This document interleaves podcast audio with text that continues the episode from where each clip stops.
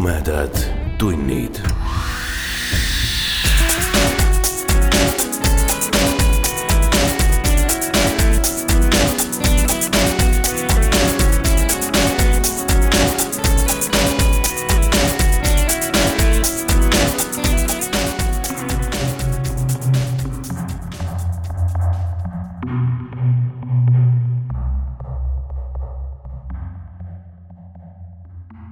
Tere, hea ulmesõber. sa hakkad kuulama Tumedad tunnid podcasti suvise järjejutu teist osa. nii et kui sattusid siia kogemata, siis mine tagasi esimese osa juurde ja kuula, kuidas kõik alguse sai. mina ja Aiki Penno loeme nüüd aga teise osa Indrek Hargla süngest põnevusloost Suvitusromaan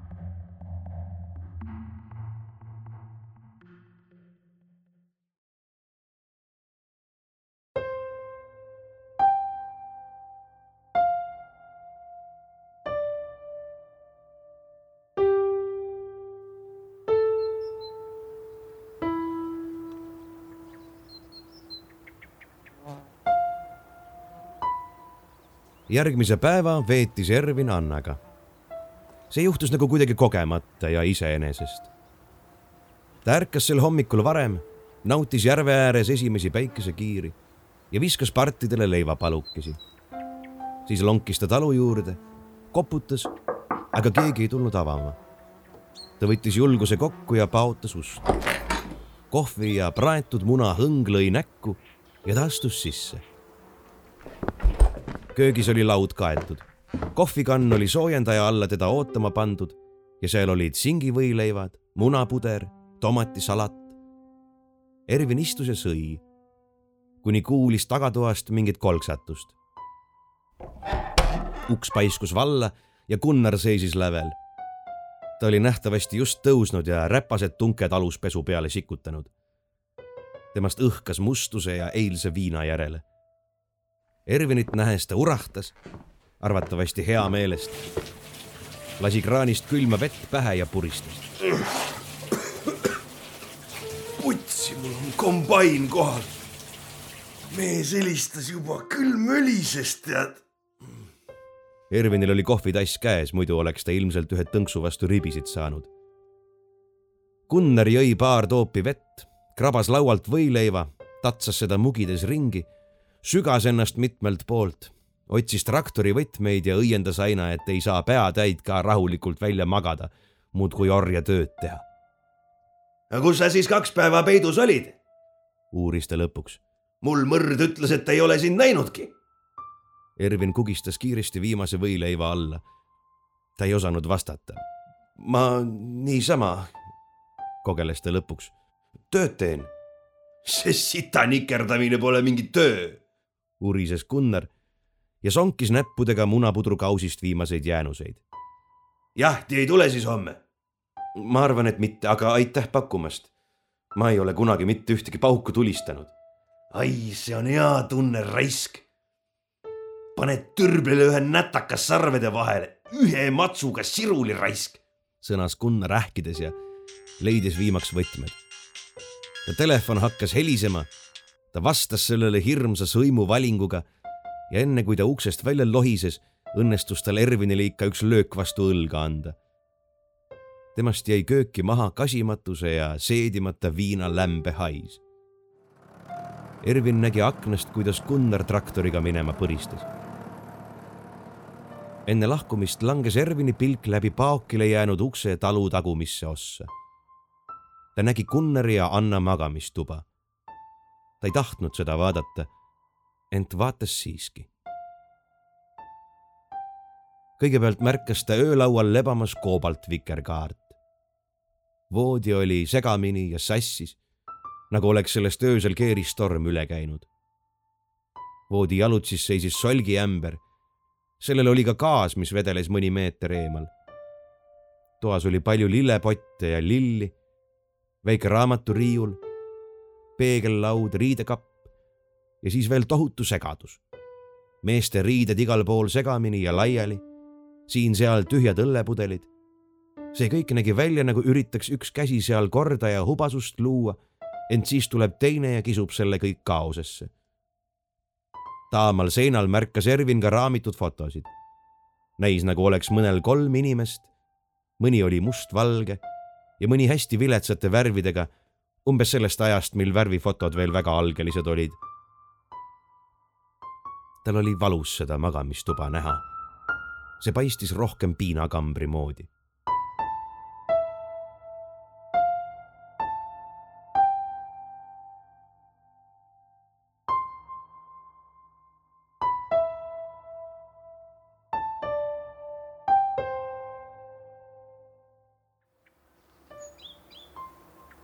Annat nägi Ervin hiljem hobusetalli ees. seal oli kaev ja Anna pesi hobuseid. peale lapilise, kelle nimi oli Säru, oli seal veel üks süsimust ja väike varss. must ja varss ootasid kannatlikult oma järjekorda, noogutasid peadega üles-alla ja lehvitasid sabadega parme eemale. Annal olid jalas lühikesed püksid ja seljas kõhu pealt kokku seotud ruuduline särk säru toetas oma pikka koonu Anna õlale ja lasi end rahulikult harjaga nühkida. Anna ise oli samuti märjaks saanud. vesi läikles tema kõhult ja jalgadelt vastu. ta rääkis hobusega, aga sõnu Ervin ei kuulnud. musta nimi oli Rafael ja varsa nimi Hämarik, nagu Ervin kuulis, kui ta Anna juurde oli läinud. Ervin ei pidanudki midagi küsima. Anna hakkas ise rääkima Rafael on Ämariku isa, aga tema ema tuli kevadel maha lasta, sest ta astus metsas jahimeeste püünisrauda. Anna on sellest juba üle saanud, ehkki ta oli siis mitu päeva järjest nutnud. Säru on kõige vanem, nelja-aastane, ta on Lätist ostetud. Nad alguses proovisid teda põllutööl, aga ta on liiga uhke ja vaba loomuga. tahab ratsutada, ta armastab ratsutada ja hoolitseb hämariku eest väga Rafael on ka väga hea iseloomuga, sõnakuulelik. teda kasvatati ühes tallis Valga lähedal ratsahobuseks, aga ta ei kõlvanud. liiga aeglane on, ei ole särtsakust ja võidujanu. Anna sai ta väga odava hinnaga. miks me neid peame? ratsutamistalud lähevad moodi. see toob turiste, kui saab ratsutada. ja kui hästi läheb, saab varssade eest head raha. kaks säru varssa on nad juba ära müünud Ervin kuulas ja ei kuulanud. ta napsas maast ristikheina ja pakkus seda hämarikule nosida. Rafael pistis oma pea vahele ja nuusutas rohu nagu igaks juhuks üle. sa meeldid talle. su lõhn meeldib talle. ja Särule meeldid sa ka. juba siis metsa all, kui ta sind esimest korda nägi. Säru on väga ainulaadne tõug. Eestis on tema karva hobuseid väga vähe ma aitan sind, pakkus Ervin. ma ei ole kunagi hobuseid pesnud. sa peaksid kirjutama äkki? küsis Anna. ma pean mõtteid koguma, kogu mu loos on midagi sassis. mul tuleks uuesti alustada, ma ei saa isegi aru, mida ma kirjutanud olen. Anna nühkis säru edasi. ta ei öelnud, et ta oli näinud Ervini raamatu uusi alguslauseid. aga siis ta müksas Ervinit ja näitas ämbri peale, mille sees oli teine hari ja ratsutanud sa ka ei ole? Küsis ta pärast, kui Ervin Hämarikku pesi, kes rahulolevalt saba lehvitas. mitte kunagi. ma proovisin, kui ma koobalt vikerkaart kirjutasin. aga siis sain ma aru, et kirjanik ei pea kõike enda nahal kogema. ettekujutusvõime on palju tähtsam. rüütlisõja hobune oli tema kõige tähtsam varandus, neid hobuseid aretati ja kasvatati väga erinevalt tänapäevast siis oli kõik teistmoodi, ma arvan. Pomises Anna. inimesed suutsid tugevamalt tunda, armastada tugevamalt ja vihata tugevamalt. armastuse eest võidi ennast ohverdada. tänapäeval seda enam vist ei juhtu, ma arvan. Nad viisid hobused koos talli. Ervin avastas ennast tegemas asja, mida ta tegelikult õigeks ei pidanud ja millest ta oli alati püüdnud hoiduda oma loomingut seletamas ja tõlgendamas. Aga Anna küsis ja Ervin vastas. Need rüütelpoeedid, kellest ta koobalt vikerkaares kirjutas, on avastanud armastuse jõu, suuruse ja õilsuse. Nad ülistasid oma lauludes daami, kes on neile kättesaamatu, seisab neist hierarhias kõrgemal ja on abielus või kihlatud ja enne nad sureksid mädanemise kätte, kui paneksid ohtu selle daami au ja hingerahu. aga nad on aru saanud, et see, kes on armunud, tema tahtejõudu on võimatu murda. ja kui inimese südames on suur armastus, siis tulevad sinna ka voorused. armastus on Jumala poolt loodud ja kui see on inimese südames, siis haarab see enda võimusesse ka tema teod ja need teod on alati üllad ning vooruslikud. Nende laulud pühitsesid armumist ja selle pühendumise tunnet. Aga nad kõik olid rüütlid, sõjamehed ja õpetatud kasutama vägivalda. siis pannakse nad proovile. võib-olla on see Jumal, võib-olla saatus, võib-olla juhus, võib-olla saatan. Nad saavad nägemuse daamist, kellesse nad armuvad ja see vajab nende abi ja eneseohverdust. Nad peavad võitlema. ja tapma, küsis Anna. Nad tulid siis tallist välja ja Anna oli haaranud ukse kõrvalt jaki ning pannud selle endale ümber. Nende auhind on hukatus ja nad teavad seda. Nad on kiitnud armumise tunnet, sest see õigustab kõiki inimese tegusid. kelle südames on puhas armastus, see ei saa teha kurja igatsus ja südamevalu annavad inimesele loomejõu ja see on suunatud headele asjadele. nüüd aga määrab armastus nad hukatusele. kuidas? sest nad, nad peavad võitlema sõjas, milles nad saavad ainult kaotada. kui nad surevad, siis on armastus olemas. ma pean rohima minema. aga see daam, see nimetu daam, kas tema armastab kedagi neist? me ei saa seda kunagi teada see naine ongi võib-olla armastus ise. jumalanna, kes neid proovile paneb. Kas see ei ole mitte alatu? ma ei tea. mida ma tahtsin selle raamatuga öelda, on see, et kui inimese südames ei ole armastust, siis ei ole tema tegudel mingit väärtust. lojaalsus, ustavus, truudus on asjad, mis sünnivad südames. ja kui inimene on armunud ideaali ideesse või isegi ettekujutusse, siis on tema teod moraalsed. Siis olid nad koos aiamaal. Anna harvendas porgandeid ja kitkus umbrohtu. ta oli põlvili peenarde vahel ja niiske muld kleepus tema põlvede ümber. Ervin sikutas peenarde vahelt jämedamaid ohakaid välja. Need torkisid mõnusalt tema käsi ta rääkis, kuidas tema rüütlid jõuavad oma surmahetkel arusaamiseni, et nad peavad teenima ühiskonda sama ausalt, vooruslikult ja ustavalt kui oma daami, keda võib-olla ei olnudki üldse olemas. aga sa ei räägi selles raamatus naise armastusest. see daam, jumalanna, ta ei tee mitte midagi. ta nagu ainult peibutab. rohkem kui armastama, pidi naine olema kuulekas ja vooruslik keskaegne ühiskond oli mehekeskne ja armastuse kontseptsioon, mis siis sündis, õilistas mehe armastust naise vastu. naine oli armumise objekt. Naine otsekui tootis ühiskonda armastust ja muutis seda seeläbi õiglasemaks.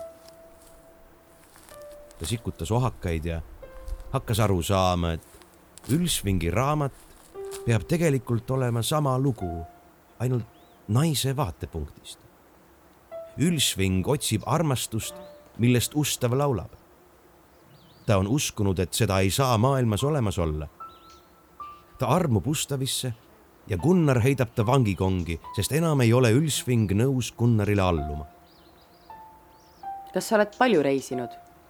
küsis Anna hiljem. natuke. aga sina? mitte väga. ma nagu ei oska reisida ja ega raha ka nii palju ei ole. ma olen eluaeg siin elanud ja. siin talus? küsis Ervin ja nägi, kuidas Anna võpatas kergelt. Minu vanemad elavad siin lähedal. sõnas Anna viivu pärast. metsa taga. seal on minu kodutalu. ilus kollane majake. nii et sa abiellusid naabriga? peaaegu. sõnas Anna vaevu kuuldavalt kus sa reisinud oled? küsis ta siis kiiresti. kas Ameerikas oled käinud? Ervin ei olnud Ameerikas käinud. ta rääkis oma reisidest Hispaanias ja Saksamaal ja Prantsusmaal kohtumistest raamatukogudes ja ülikoolides. teda on kutsutud esinema, aga tema ei oska nagu millestki eriti rääkida. kõik, mis tal öelda, on ta raamatutesse kirjutanud. ja suur rahva hulk tekitab temas ebamugavust. ta rääkis, et on alati varunud endale mõned päevad, et üksipäini uitama minna, ilma kindla sihita, avastama võõraid maid ja ajalugu ja nägema inimesi ta ei taha alati näha kuulsaid katedraale ega losse. talle piisab mõnest vanast kabelivaremest mägede vahel, et ajalugu temaga kõneleks. mõnest longu vajunud ristist surnuaia võssa kasvanud servas. Hanna kuulas ja küsis aeg-ajalt midagi. näis, nagu talle meeldis kuulata, ent endast ei tahtnud ta väga rääkida. aga nad rääkisid palju Ervini raamatutest talutöödest, ilmast, hobustest, Tallinnast ja Pärnust, maailmast ja siis jälle raamatutest ja kooliajast. Anna rääkis oma koolist kuidagi kergemalt kui muudest asjadest. ta nagu elas sõnades läbi jälle selle noore neiu unistusi, kes tahtis saada Eesti meistriks vibulaskmises ja minna aianduskooli ja käia Ameerikas. aga midagi juhtus. midagi tuli vahele ent sellest Anna ei rääkinud. tal olid olnud unistused, aga nüüd oli Ristemäe talu ja Gunnar. kui nad olid aiamaaga valmis saanud, oli kell juba lõunas. Anna pidi minema vana küüni juurde. see oli juba peaaegu metsaks kasvanud lagendikul Ristemäe maade teises servas Neil on seal ladu, kus hoitakse väetisi ja igasugu muud kraami ning küülikupuurid on ka seal. see on Anna töö käia sealt käruga väetist toomas, heina niitmas ja küülikuid toitmas. Ervin oleks pidanud nüüd tööle minema. aga ta ütles, et ta tahaks küülikuid näha, kui ta ei sega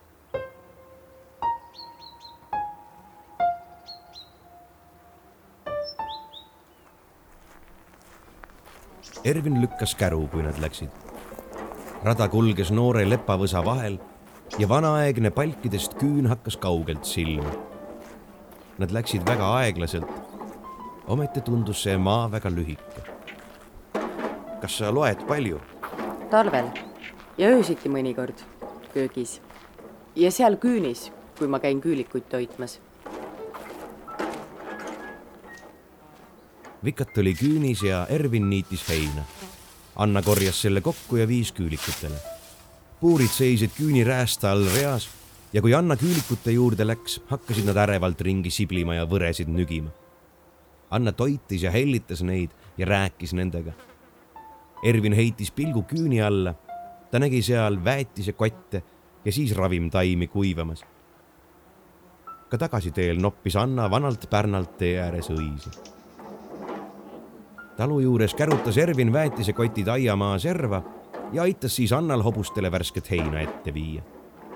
kui Ervin parasjagu heinasülemiga talli poole läks, hakkas tema telefon helisema. Anna läks talli sisse. Ervin pani heinasülemi maha ja krabas telefoni järele. muidugi oli see Kertu. sa ei helistanud eile? ütles Kertu. ja sa ei ole kirjadele vastanud. sind tahetakse mingile konverentsile, kas sa lugesid? ma õhtul loen lubas Ervin. tööd on palju. kirjutad või mingit muud tööd? miks sa küsid? sa lubasid uue peatüki saata, aga ei ole saatnud. tead, ma hakkasin algust ümber kirjutama, seal ei klappinud mõned asjad. Anna tuli tallist välja ja keeras vooliku kraani lahti, et hobuste jootmisvanni vett lasta. saatis Ervini poole kiire pilgu ning läks talli tagasi. minu arust oli see vana algus väga ilus see Ülsvingi süütus ja nukrus ja igatsus. ta oli liiga noor, sõnas Ervin. tal peab olema millestki loobuda. ma ei oska lähemalt seletada, eks sa loe, kui ma valmis saan. Kertu vaikis mõne hetke. Ervin, küsis ta siis kuidagi arglikult. Ervin, ma olen ammu tahtnud küsida. kas sulle tundub mõnikord, et ma segan sind? häirin, tülitan ja ei lase keskenduda ütle ausalt, palun. ei, üldse mitte. kust sa sellise asja pähe võtsid? kui sa tahad, et ma ei helistaks, siis ma ei helista. ei, ei, sa ei sega üldse, ma olen nii harjunud sinuga. Kertu vaikis taas. harjunud? küsis ta siis lõpuks. no ja see, et sa minu elus oled ja aitad ja miks sa arvad, et sa mind segad? niisama, et sa tahad nagu rohkem vabadust. ei, kõik on hästi. Siis on hästi, kui on hästi. sõnas Kertu ohates. ja et ma olen su elus. aga ma ei helista sulle enam, ma luban. kardan, et ma segan sind. Ervin ei jõudnud vastu vaielda, sest Kertu pani toru ära. Anna tuli tallist uuesti välja ja jäi Ervinit vaatama. kas midagi on halvasti? niisama, tühiasi. ma lubasin talle uue peatüki saata, aga ei ole saatnud. Ta vist hoolitseb väga hästi sinu eest. jah, ta on hea sõber. kas sa näitaks mulle tema pilti, palun?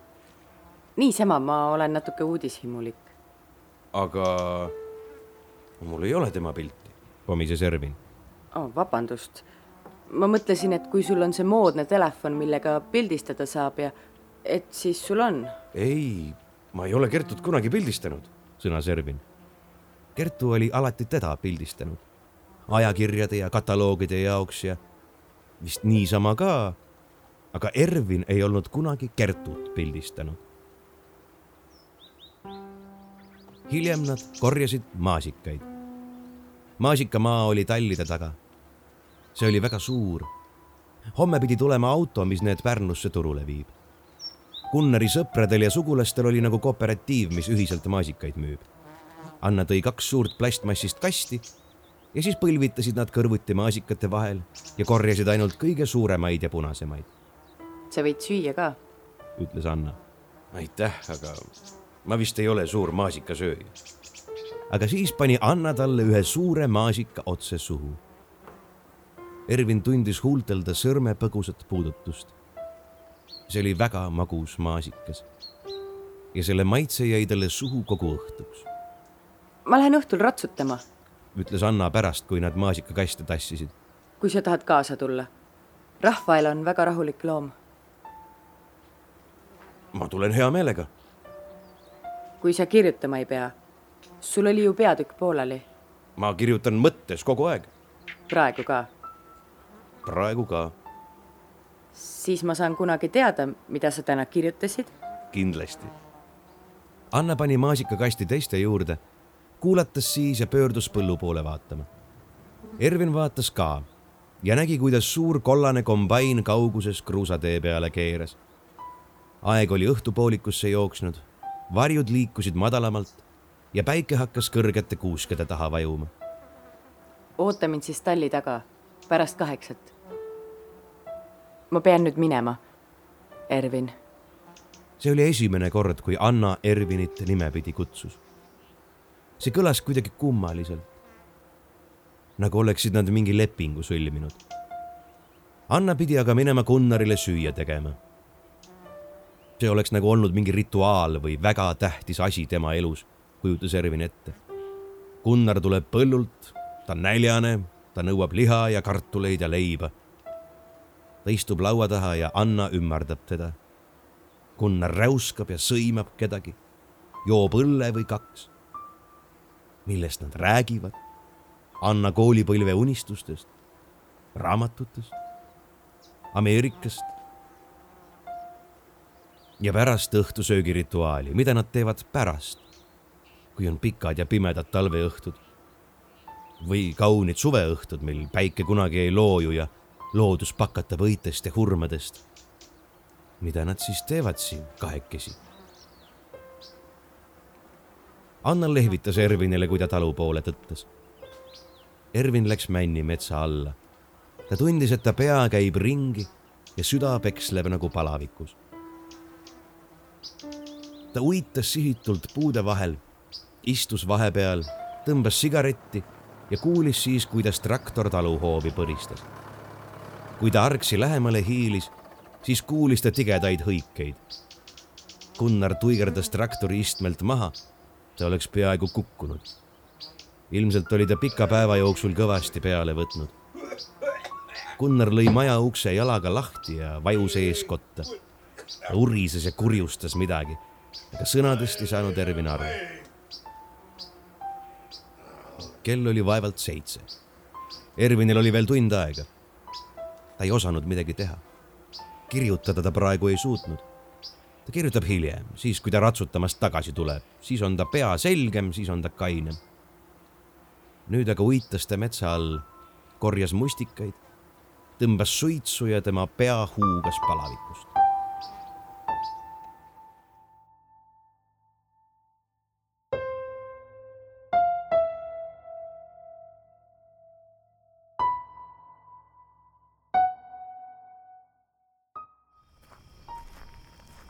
Talli juurde jõudis ta veidi pärast kaheksat.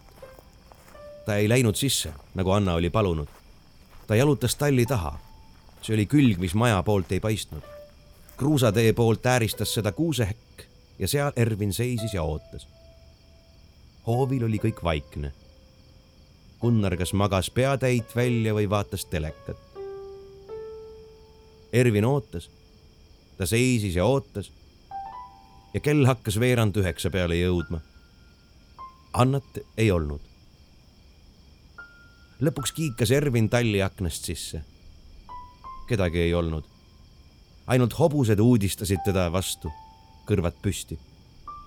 ta ootas veel veidi ja midagi ei juhtunud. siis läks ta hilju maja poole.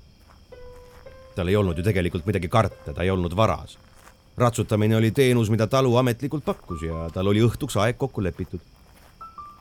ta läks lähemale ja nägi, et köögiaken oli avatud ning poolenisti ette tõmmatud kardin võbeles tuule käes. ja siis kuulis ta mingit häälitsust. see kõlas nagu oige ja röhatuse vahepealne ja midagi kukkus kolinal. Ervin kõhkles hetke, kuid hiilis siis lähemale hääl oleks tulnud nagu köögist. ta seisatas akna taga. ta kuulis justkui mingit rüselust, rabelemist ja siis juba valjemini mingit klirinat. sellist häält teeb maha kukkuv kahvel. Ervin hingas sügavalt sisse ja piilus kardina vahelt kööki. alguses nägi ta ainult Gunnari selga. see oli temast vaid paari meetri kaugusel. ta oli alussärgi väel siis ühe silmapilgu jooksul nägi ta rohkem. Gunnari üks käsi surus Anna pead vastu lauda ja teine hoidis poolikut viinapudelit. Anna juuksed olid laiali ja katsid ta näo, aga ta hingeldas kiiresti. Anna ülakeha oli söögilaua peale tõugatud ning taldrik ja kahvlid olid maha lükatud, et seal ruumi teha. Anna oli vahepeal kleidi selga pannud aga nüüd oli kleit üles rebitud ja tema selja peale heidetud. Gunnar seisis Anna selja taga, püksid maha vajunud ja tagumik paljas. ta keha jõnksus tugevate tõugetega vastu Annat, kui Gunnar ise häälitses. Ervin seisis rabatult, jahmunult, kivistunult. ta ei suutnud pilku lahti tõmmata. ta ei suutnud veel põgeneda ta ei suutnud silmi sulgeda. ta nägi, kuidas Anna üritas pead tõsta, aga Gunnar surus selle tugevamalt vastu lauda. Niku nüüd raisk. rögises Gunnar. mida sa, kurat, vahid nagu vana lehm, nõkutama kuradi perset. Anna nuuksatas. Gunnar rüüpas viina, lajatas pudeli lauale ja lõi Annale laksu vastu jalga siis ta naeris ja tema tõuked muutusid järjest jõulisemaks ja tema käehaare lõdvenes. Anna pööras pead. tema silmad kohtusid Ervini omadega. see oli ainult korraks, üheks ainsaks hingetõmbeks, enne kui Ervin jõudis oma pea kardina ääre taha tõmmata. aga ometi olid nende pilgud kohtunud. Anna nuttis, ilma pisarateta tema silmades oli ahastus, valu ja häbi. see oli tema rutiin, abielu ja tema tulevik. Ervin põrkus akna juurest tagasi. siis ta jooksis, komistas, kukkus, tõusis püsti ja jooksis edasi.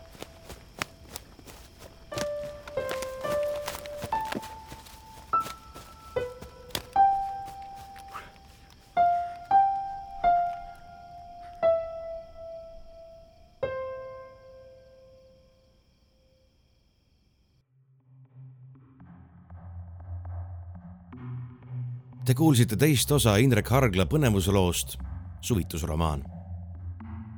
lugesid Priit Öövel ja Aiki Penno.